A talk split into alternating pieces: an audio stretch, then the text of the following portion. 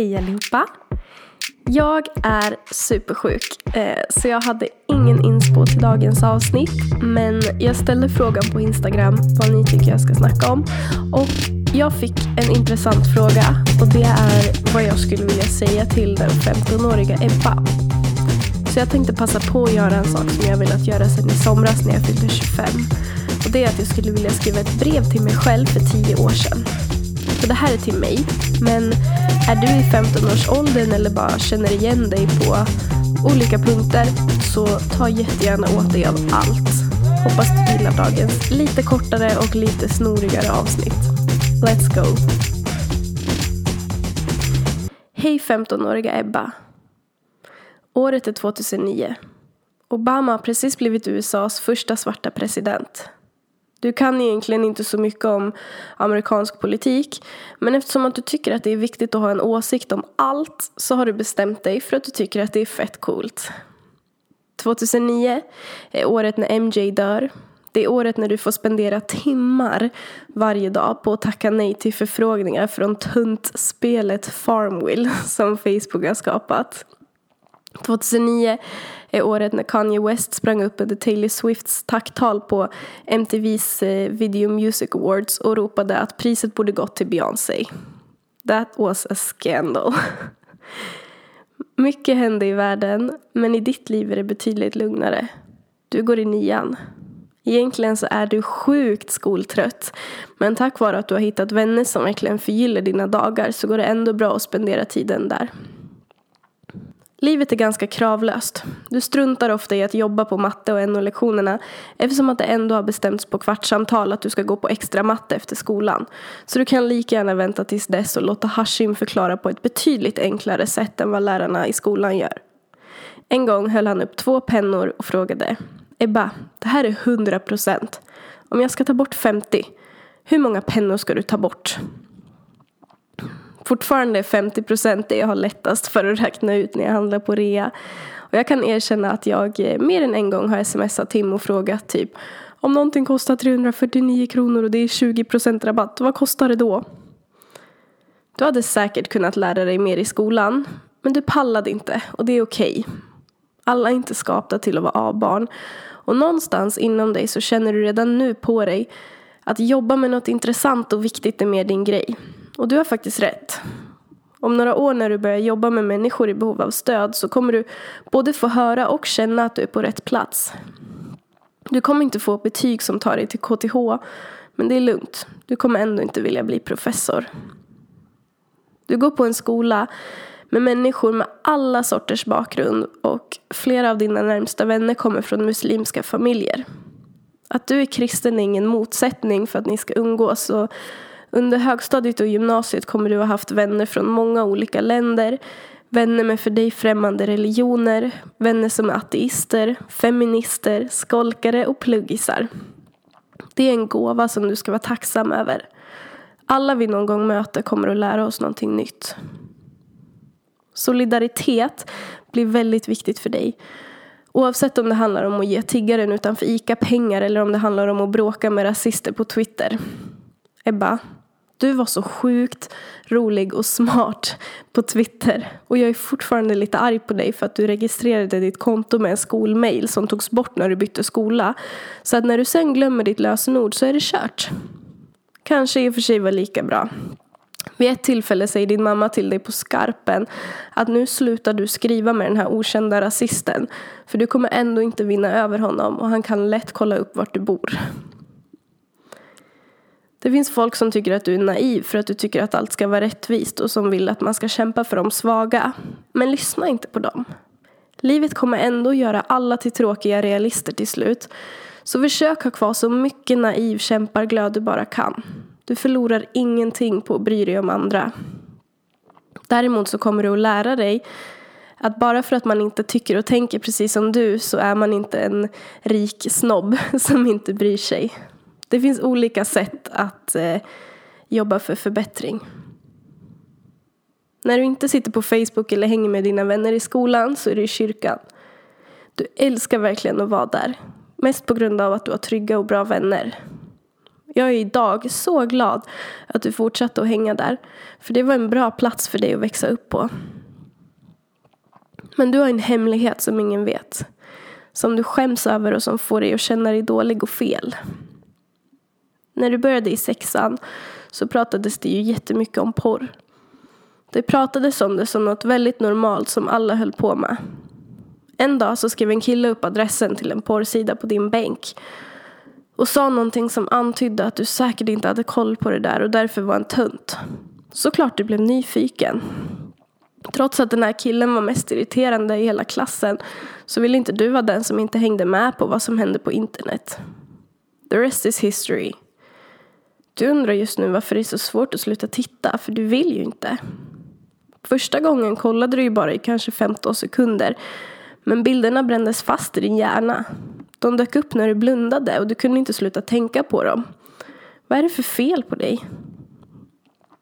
Idag vet jag att porr aktiverar beroendecentra i hjärnan och det är inte konstigt att det här fastnade i dig. Idag pratas det jättemycket om det här och just nu så pågår det många debatter på Instagram om hur porr skadar en ung generations hjärnor och i förlängningen vårt framtida sexliv.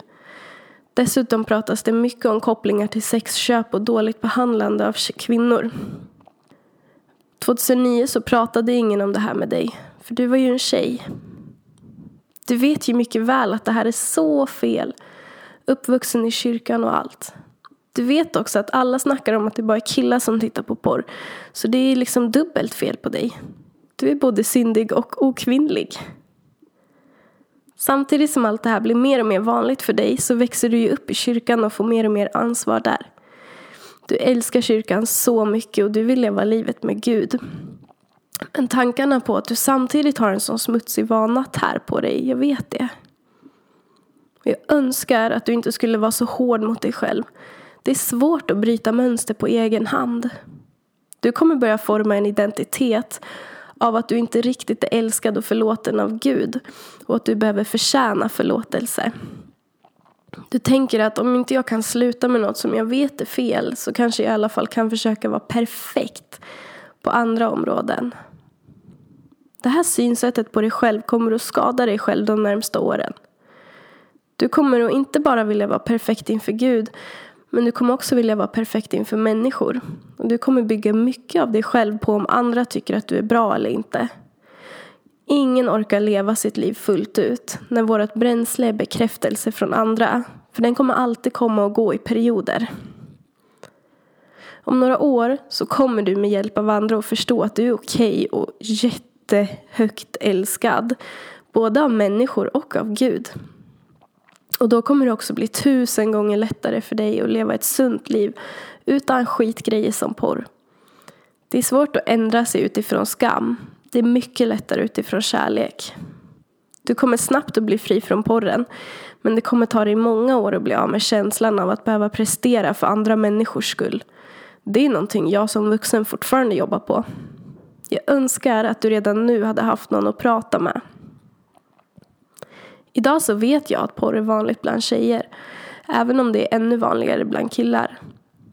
Nationellt kunskapscentrumet Barnafrid som organiseras inom Linköpings universitet har vid tre tillfällen gjort studier om barn och sexuella beteenden och sexuella övergrepp. De undersökte 18-åringars porrvanor och lyckligtvis har det sjunkit hos både tjejer och killar. Men år 2004 svarade 97,8 procent av killarna att de någon gång har tittat på porr. Och när samma fråga ställdes 2014 så blev svaret 90,9 procent. Tjejer eh, ser generellt sett mycket mindre på porr men år 2004 så såg hela 74,5 procent på porr. År 2014 hade det sjunkit till 50 procent. Året är ju 2009 och du befinner dig mitt emellan de här två undersökningsåren. Så känslan om att du är den enda tjejen är långt ifrån sann. Och bara för att det här är ett vanligt problem. Om du lyssnar på den här podden och aldrig har tittat på porr, börja inte. Det är bara ett onödigt problem med onödig energi. På samma sätt som jag idag vet att tjejer också har problem med porr så vet jag att dålig självbild, ätstörningar och självskadebeteende förekommer bland unga killar. Men 2009 pratas det på samma sätt om att det är ett tjejproblem. Jag gör mitt bästa som 25-åring för att inte sätta ungdomar i olika fack. För jag vill inte att någon ska skämmas över att de kämpar med fel problem som jag gjorde. Det är farligt att inte våga prata om det som tynger en. Men tillbaka till dig Ebba. Jag vet att du i början av tonåren fick uppleva en och annan omogen grabb som har gjort att du är fett inställd på att killar är slöseri med tid.